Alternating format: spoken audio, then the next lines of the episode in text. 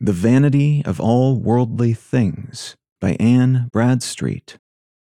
As he said vanity, so vain say I. O vanity, O vain, all under sky. Where is the man can say, Lo, I have found on brittle earth a consolation sound? What isn't in honor to be set on high?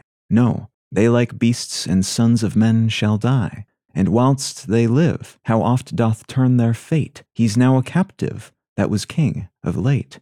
What isn't in wealth great treasures to obtain? No, that's but labor, anxious care, and pain. He heaps up riches and he heaps up sorrow. It's his today, but whose is heir tomorrow? What then? Content in pleasures canst thou find, more vain than all that's but to grasp the wind. The sensual senses for a time they pleasure. Meanwhile, the conscience rage, who shall appease? What isn't in beauty? No, that's but a snare. They're foul enough today that once were fair. What isn't in flowering youth or manly age? The first is prone to vice, the last to rage. Where is it then in wisdom, learning, arts? Sure, if on earth it must be in those parts. Yet the wisest man of men did find but vanity, vexation of the mind.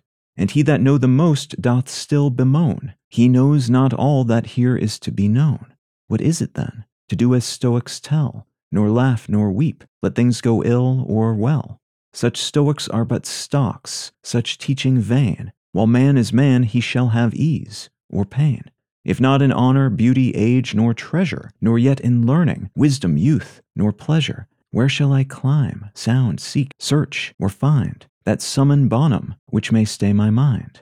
There is a path no vulture's eye hath seen, where lion fierce nor lion's whelps have been, which leads unto that living crystal font, who drinks thereof, the world doth not account. The depth and sea have said, "'Tis not in me, with pearl and gold it shall not valued be. For sapphire, onyx, topaz, who would change? It's hid from eyes of men, they count it strange. Death and destruction the fame hath heard, but where and what it is from heavens declared. It brings to honor which shall never decay. It stores with wealth which time can't wear away.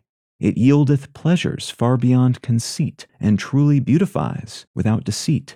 Nor strength, nor wisdom, nor fresh youth shall fade, nor death shall see, but are immortal made. This pearl of price, this tree of life, this spring, who is possessed of, shall reign a king nor change of state nor cares shall ever see, but wear his crown unto eternity. This satiates the soul, this stays the mind, and all the rest but vanity we find.